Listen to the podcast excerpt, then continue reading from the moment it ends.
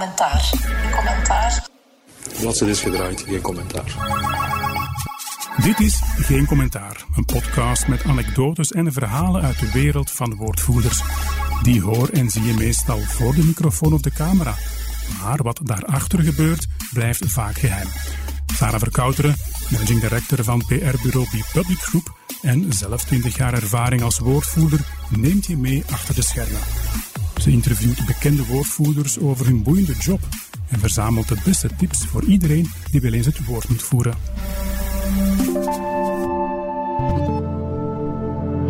Voor mij is het echt van belang dat ik 100% kan vertrouwen in die woordvoerder. Dat is niet evident in dit huidige politieke klimaat, maar het is absoluut noodzakelijk om te kunnen functioneren. In deze aflevering van Geen Commentaar interview ik voor één keer geen woordvoerder, maar wel iemand die in haar professionele leven intensief met woordvoerders samenwerkt.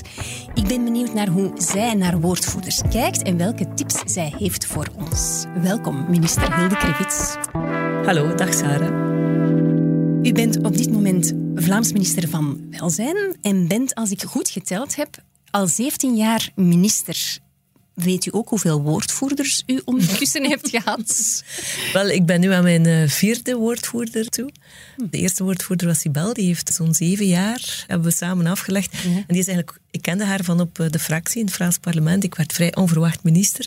En ja, ik vond haar eigenlijk wel sterk in communicatie. En ik heb toen gevraagd om mee de sprong te maken. Mhm. Want ze was niet de woordvoerder van de partij. Dus die, we hebben eigenlijk zo samen die sprong gemaakt. En dan na zeven jaar heeft uh, Sibel gekozen om in de privé te gaan werken. Mhm. En dan is Katrien woordvoerder geworden. Maar die werkte al een aantal jaren op mijn kabinet. Dat was ook niet, niet iemand nieuws. Voor haar was dat de sprong van haar leven uh, om woordvoerder te worden. Want dat stond ja, toen ze naar mijn kabinet kwam, was dat niet haar grote droom. Ja. En na een paar jaar heeft Katrien gezegd, ja, het wordt voor mij wat zwaar, want het is een helse job. En toen is de rechterhand van Katrien, Arne, die ook al op mijn kabinet werkte, is toen mijn woordvoerder geworden. Maar deze legislatuur, eh, halfweg, ben ik veranderd weer van bevoegdheden. Mhm. Door het ontslag van Wouter Beke werd ik Vlaams welzijnsminister. Ja. En um, heb ik toen gevraagd aan de woordvoerster van Wouter om mijn woordvoerder te worden. Dat is Carmen. En die is nog altijd bij mij. Oké, ja, vier woordvoerders op 17 jaar tijd. Zoveel vind ik dat eigenlijk niet. Ik had, ik had verwacht dat het er meer zouden zijn. Staat er, staat er denkt u, een houdbaarheidsdatum op, op woordvoerders? Ik, ik geef niet gemakkelijk vertrouwen aan mensen. En als er één iets is wat je echt nodig hebt met je woordvoerder, is dat absoluut vertrouwen. Dus voor mij is veranderen van woordvoerder telkens een, een enorme opdracht. Mm. Omdat ja, ze moeten je leren kennen. Um, dus ja, het had voor mij ook één woordvoerder kunnen zijn in het jaar. Maar het is een heel zware job eigenlijk het leven dat je zelf hebt, maakt je woordvoerder mee en misschien zelfs met nog meer stress omdat uh, een woordvoerder doet alle voorbereidingen, maar op het moment zelf moet je, moet je, moet je het loslaten en moet je de minister laten presteren. Dus ik kan me inbeelden dat dat eh, enorm, ik weet dat dat enorm veel stress met zich brengt. Ja, een helse job, hè? Je, je, je zegt het inderdaad zelf is die job ook helser geworden naarmate...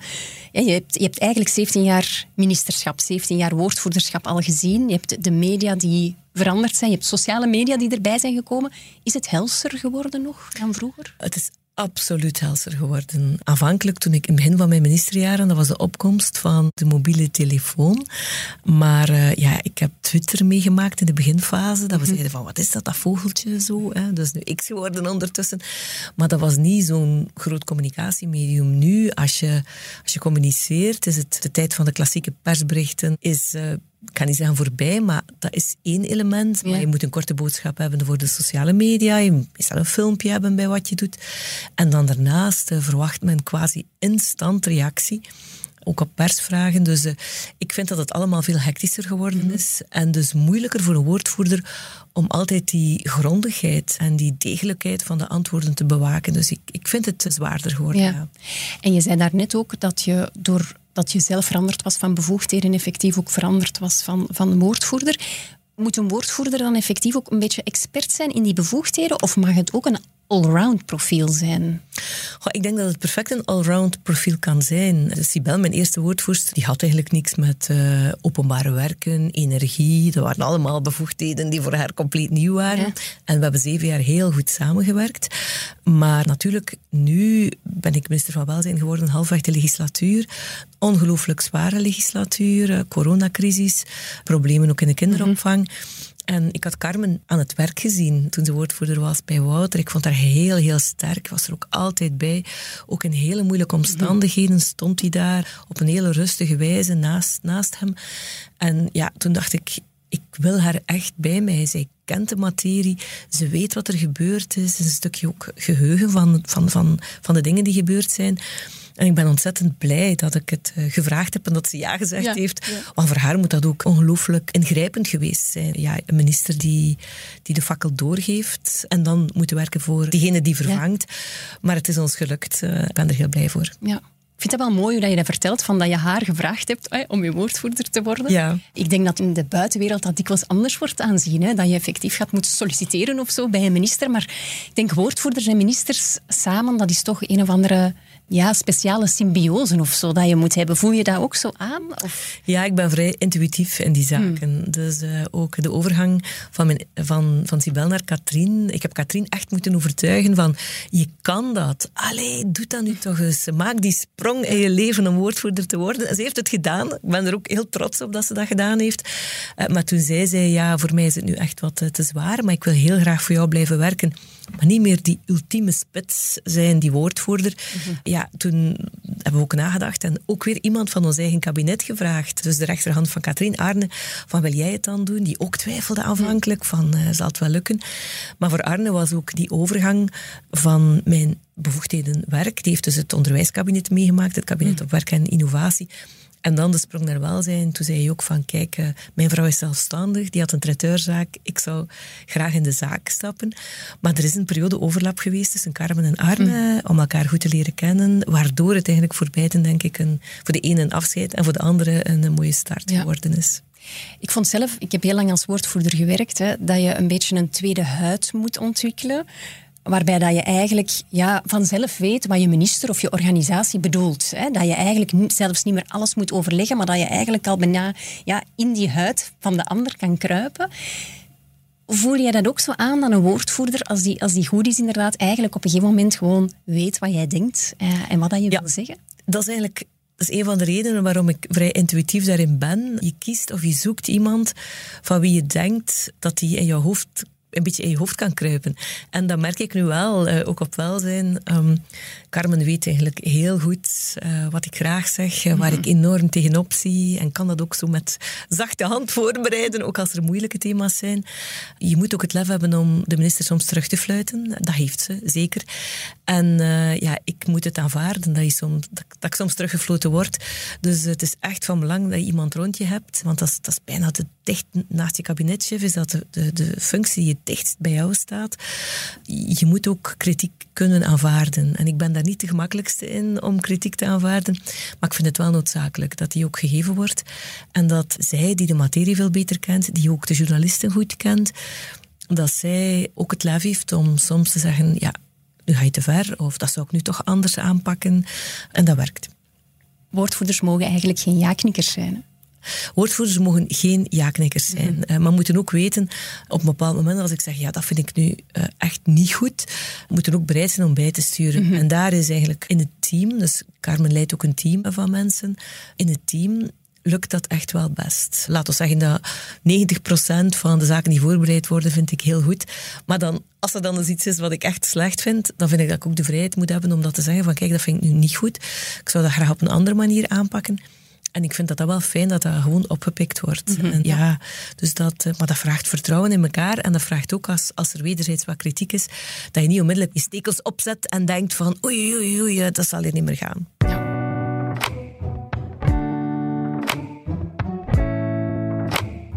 Kan je een voorbeeld geven van iets ja, waar dat je eigenlijk het advies van je woordvoerder toch hebt gevolgd? Hè? Ook al zag het misschien eerst niet zo, maar waarbij je eigenlijk voelt, oh ja, eigenlijk heeft ze hier toch wel een punt en eigenlijk moet ik, ja. moet ik die toch wel volgen. Wel, het, het belangrijkste bij mij is je zelfbeheersing behouden. Dus eh, we waren een paar maanden geleden op uh, studiebezoek in Denemarken en Carmen was mee. En net in die dagen, we zijn er niet lang geweest, door drie dagen of vier dagen denk ik, maar was er een, een politieke collega, Matthias Diependalen was dat, die heel fors communiceerde over de kinderopvang en dat er geen extra budget zou komen.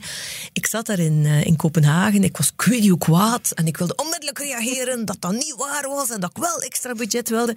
En toen heeft Carmen gezegd, ja Hilde, we zitten hier in Kopenhagen, Allee, laat dat nu passeren, de sector zal zelf wel reageren en we hebben nog tijd genoeg uh, als je terug bent. Um, dat heeft toch wel een uur geduurd. Ik zat te koken, ik, we zaten in in een bus zo. En ik zat daar te koken van, ik wil, ik wil, ik wil. Maar ik heb het toch niet gedaan, omdat ze, ze was heel overtuigend.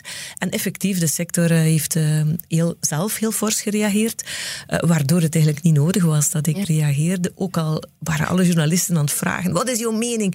En we hebben zo vermeden dat er een grote ruzie in de regering was. En de budgetten zijn er uiteindelijk toch gekomen. Ja. Dus ja, dat het was moeilijk om het advies te volgen, maar het was wel het, het correcte advies. Ik ben heel blij dat ik het gedaan heb. Maar dat is als politica of als politicus die beheersing die je soms aan de dag moet leggen om niet te schieten op alles wat beweegt. Dat is belangrijk en daar heb je een woordvoerder voor. Zo, een ander voorbeeld is, ja, je leest in de krant, ik word wakker, uh, vaak... Uh, ben ik om zes uur of zo iets voor zes al de kranten aan het lezen. En dan lees je zo'n opinie en dan voel je je aangevallen. Ja, de eerste reflex is, ik ga onmiddellijk die journalist een sms sturen om te zeggen hoe fout dat hij is. Soms doe ik het nog, maar heel zelden. En meestal los ik mijn ventiel dan in de WhatsApp van de woordvoerder. Uh, en dan kijk ik hoe dat ze reageren. En meestal ben ik al een uur later wat kalm. Dus ja, die, die woordvoerder die, die, die, die dient ook soms als, als buffer om, om, je, om je eigen... Ver, ah, om, om je frustraties wat te, te... En afhankelijk van haar reactie kijk ik dan van ja, ik doe er iets mee of ik doe er niks mee. Want je voelt vaak na een paar uur, de storm is al wat gaan liggen. Ook de storm bij mezelf. En ja, dat vraagt natuurlijk wel wat eigenschappen van de woordvoerder om daar ook mee om te gaan. Ja. Dus, ja. dus rust bewaken is heel belangrijk hoor ik. Zijn er andere eigenschappen waarvan je zegt van die zijn ongelooflijk belangrijk dat je die als woordvoerder hebt? Ja, ik vind ook van belang dat een woordvoerder perfectionistisch is. Taal is iets wat gebruikt en misbruikt kan worden eigenlijk al al die jaren probeer ik een verbindende politica te zijn. En dus taal is voor mij echt van belang. Mhm. Hoe omschrijf je iets? Wat is je woordgebruik? Uh, in welzijn is dat ook een bijzondere nieuwe taal die ik heb moeten ontwikkelen. In onderwijs was dat ook zo. Ja. En ik vind het echt van belang dat, dat, dat ik een woordvoerder heb die daar ook uh, gevoelig aan is. Dat je mensen nooit schoffeert in de manier waarop je een boodschap uh, maakt. Dat je opbouwend bent, uh, respectvol naar sectoren toe. En ja, dat zijn eigenschappen waar Carmen ook echt wel over beschikt. Mm -hmm. En omgekeerd, wat maakt iemand ongeschikt als woordvoerder? ik denk dat een woordvoerder geen haantje mag zijn. Want dat is, ik ik denk dat ik een ongeschikte woordvoerder zou zijn. Ah, dat is mijn volgende vraag. ja, omdat ik het liever zelf zag. maar uh, dat vind ik zo'n zo bijzondere eigenschap. Je bereidt alles voor. Je legt contacten met de pers. Je laat de pers komen. Ja, vaak is het ook... Mijn woordvoerder is Carmen, die de dossiers uitlegt aan de pers. Um, maar dan moet je het finale, de afwerking, moet je dan overlaten aan iemand anders. En die moet dat dan goed doen. Dus um, ik heb ook heel graag, als ik bijvoorbeeld quotes geef, dat de Carmen ergens in mijn gezichtsveld staat. En ja, als, uh, als, als er iets echt fout is, dan zie ik dat meteen aan haar uh, beweging. En dan vraag ik om het opnieuw te doen. Mm -hmm. uh, dat gebeurt niet zo vaak, maar dat gebeurt wel. Is dat dan een of andere dus, geheime taal of zo? Dus maar gewoon een hoofdknikje, ofwel is het zo ja. een ja-knik, ofwel is het van oei, er is iets. En soms onder, als ik zo'n cijfer verkeerd, wat dat kan gebeuren, hé, een cijfer verkeerd uitspreek, mm -hmm. dan, ja, dan zegt ze dat ook gewoon. Ze mag dat ook doen. Maar um, dat is, dat is echt van belang dat, ja, dat, dat die dingen er zijn. Ja. Wanneer is voor u een woordvoerder het meest waardevol al geweest? Voor mij is een woordvoerder het belangrijkste op de heel moeilijke momenten. Kan je daar een voorbeeld van geven? Ja, ik ben het, anderhalf jaar geleden, zes weken uitgevallen. Mm -hmm. Op het eerste moment dacht ik, mijn carrière is gedaan. Want de minister die uitvalt, omdat ik was fysiek en mentaal ook op op dat moment. Carmen heeft dat heel goed aangepakt. We hebben ook nagedacht, hoe, hoe doen we dat nu? Ik heb een persoonlijke boodschap op sociale media gezet en dat was het. Maar dan zes weken daarna kwam ik dan terug En dan was het ook weer van, ja, hoe gaan we dat nu aanpakken? Want ik kom terug, uh, ga ik erover spreken? Gaan we dat niet doen? Mhm. Um, en we hebben daar vrij lang eigenlijk uh, over nagedacht en gezegd van, kijk, we gaan overal interviews geven, er open over praten. Maar dat zijn hele moeilijke momenten. Uh, was, was, zowel het uitvallen als het terugkeren was voor mij persoonlijk heel moeilijk. En daar heeft, heeft, heeft Carmen en ook de andere mensen, eigenlijk de, de, de mensen die dicht bij mij staan, hebben wel mij geholpen om over die berg te geraken. En toen dacht ik, ja, gelukkig dat ik een woordvoerder heb en die op zo'n momenten ook mij kent. Ja. Weet wat ik wel en niet wil zeggen. En die ook erin geslaagd is om de discretie te bewaren daar rond. Dat is, dat is fantastisch gewoon. En ja, dat, dat maakt het uh, heel, heel waardevol. Maar dat toont ook weer aan dat je woordvoerder niet iemand kan zijn waar je geen 100% vertrouwen in hebt. Ja. Dus die vertrouwensrelatie is, is essentieel eigenlijk. Ja, je moet niet elke week bij elkaar gaan eten en je moet niet mekaars beste vriendin zijn. Dat is absoluut niet nodig. Maar het vertrouwen moet er zijn. Ja. En dat is iets wat uh, in de politiek zeldzaam is, maar wat absoluut noodzakelijk Mhm. is. In elke functie, denk ik, waar iemand ook een publieke verantwoordelijkheid heeft. Ja. Wat ik me dan afvraag, effectief, hè, als je zo eens uitvalt als minister of er gebeurt iets anders onverwacht, liggen daar dan scenario's klaar, communicatiescenario's klaar die dat kunnen uitgerold worden? Of ja, is dat toch op het moment zelf dat er ja, Ja, ik- besproken wordt, geïmproviseerd wordt, uh, bedacht wordt wat het beste zou zijn? Er liggen voor heel veel zaken scenario's klaar, maar ik, had, uh, ik ben een, een haantje, zoals dat heet. Ik had niet kunnen dromen dat ik zou uitvallen, dus ik vond dat heel erg voor mezelf. Maar ik heb geleerd dat dat niet zo erg, mm. erg hoeft te zijn. Mhm. Mm -hmm. En op deze dagen is mentaal welzijn en het kunnen spreken ja. daarover toch wel belangrijker dan vroeger. Maar er lag geen scenario klaar en dat is een stukje aanvoelen dan van hoe blijf je trouw aan jezelf. Mhm. Mm -hmm. Ik had ook erover kunnen zwijgen bijvoorbeeld, maar mijn mensen weten ook dat ik nogal spontaan ben en dan is ook toch gezegd van kijk, we moeten vermijden dat dat er zes maanden over geschreven wordt, dus sta gewoon alle pers te woord. Doe dat één keer, doe dat, probeer dat spontaan te doen. Zeg gewoon wat er gebeurd is. En dat is een, er lag geen scenario klaar. We hebben er ook geen extern advies over gevraagd, maar we hebben dat samen ja. uh, zo beslist. Ja. Ministers werken uiteraard altijd met woordvoerders. Er zijn veel andere organisaties of CEO's die niet geloven in, in ja, het hebben van een woordvoerder of, of het nut niet zien. Vindt u het voor elke organisatie interessant om een woordvoerder te hebben, om die functie wel te hebben binnen een bedrijf of organisatie? De tijden zijn enorm geëvolueerd. Dus um, vroeger was dat misschien minder nodig, maar ik vind dat vandaag onmisbaar. En ook uh, dat je iemand hebt die in eenvoudige taal kan communiceren. Mm -hmm. We hebben het er vaak over op het kabinet. Dus welzijn is een heel menselijke materie, maar heel technisch ook. Ja. En je moet dus ook zorgen dat je, dat je woordvoerder erin slaagt om voor uh, mensen die, niet, die geen professionele um, werkers zijn in de sector, om daarvoor te communiceren. En dus uh, ik vind dat voor elke organisatie van belang. Uh, ik kan een paar voorbeelden geven, maar ik ga geen, geen namen noemen van bedrijven die plots met een hevige crisis geconfronteerd uh, geworden zijn in het recente verleden en waar het dagen duurt vooraleer er een crisiscommunicatie is. Dus vandaar dat ik eigenlijk iedereen die ook, ook een rol heeft naar het publiek alleen maar kan aanraden dat, dat, uh, dat een woordvoerder hebben een, een, een onmisbare en een, een heel rendabele investering is. Mm -hmm.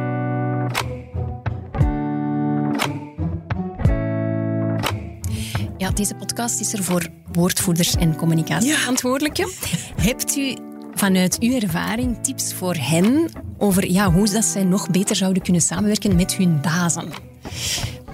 Want jij zit natuurlijk aan de andere kant. Dus, dus wat zou je hen kunnen meegeven? Ik was heel vereerd dat ik uh, mocht in deze podcast ook, ook spreken. Ja, voor mij is het allerbelangrijkste dat je voldoende contact hebt met elkaar. Dat je ook dat contact opeist. Want als je goede woordvoerder wilt zijn, dan moet je je bazen kennen. Moet je je organisatie kennen. Mijn leven is heel, heel druk. Dus uh, soms hoor ik uh, Carmen ook een Hans weekend niet of, uh, of, of, een paar dagen tijdens de week. Maar dan moet je op een andere manier contact houden. En er zijn momenten waar je echt dat contact moet opeisen. Want als je de persoon voor wie je werkt niet kent, kan je volgens mij geen goede woordvoerder zijn. je, moet die, je moet die leren kennen, je moet elke dag ook willen bijleren. Je moet vooral dat contact ja, opeisen. En is dat dan effectief aanwezig zijn tijdens strategische meetings bijvoorbeeld? Moet je daar als woordvoerder altijd bij zitten? Is dat belangrijk? Of zijn er ook andere manieren om dat contact... Nee, ik vind het niet, niet belangrijk dat je bij elke strategische meeting bent. Maar Ik geef een voorbeeld. Het is nu de periode van de nieuwjaarsspeeches voor mij. Ik vind dat van belang dat mijn woordvoerders mij soms eens horen spreken. Dat ze weten, ah, wat gebruikt ze uit speeches, wat doet ze niet, wat slaat er aan bij de mensen, wat slaat er niet aan bij de mensen. Dus dat je ook mee, mee eens op het terrein gaat, meekijkt van al mijn voorbereidingen, hoe vallen die nu bij het publiek? Ook dat je achteraf eens rondloopt tussen het publiek. Van hoe hebben de mensen het sentiment? Zijn er zaken? Onlangs had ik in de speech een zinnetje gezegd waar Carmen achteraf zei: Ja, dat is slecht gevallen bij een paar mensen.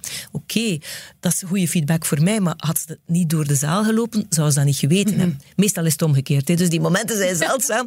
maar ja, die, die kritiek komt dan ook wel terug.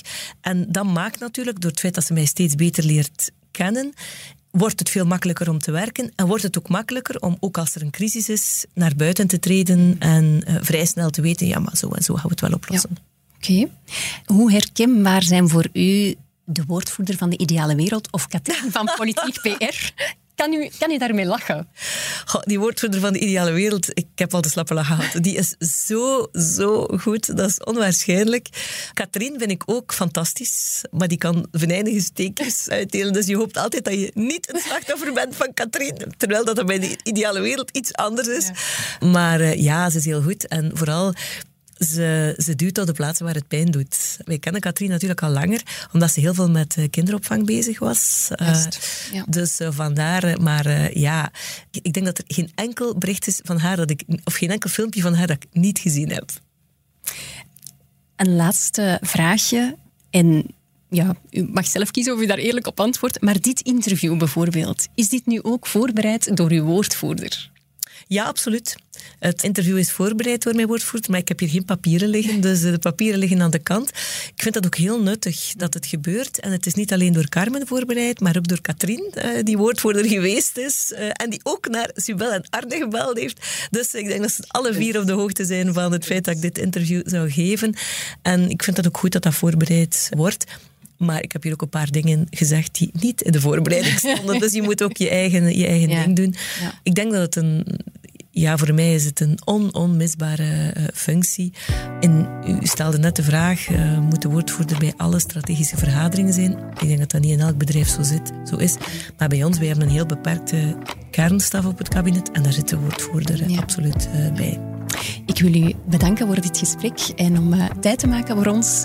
Heel hard bedankt. En ook bedankt aan uw woordvoerder om dit zo mooi voor te bereiden. Dankjewel. Graag gedaan. Dit was Geen Commentaar. Een podcast met anekdotes en verhalen uit de wereld van de woordvoerders. Benieuwd naar meer? Lees het boek Geen Commentaar van Sarah Verkouteren, uitgegeven door Pelkmans. Of ontdek meer tips over communicatie en PR op bepublicgroup.be.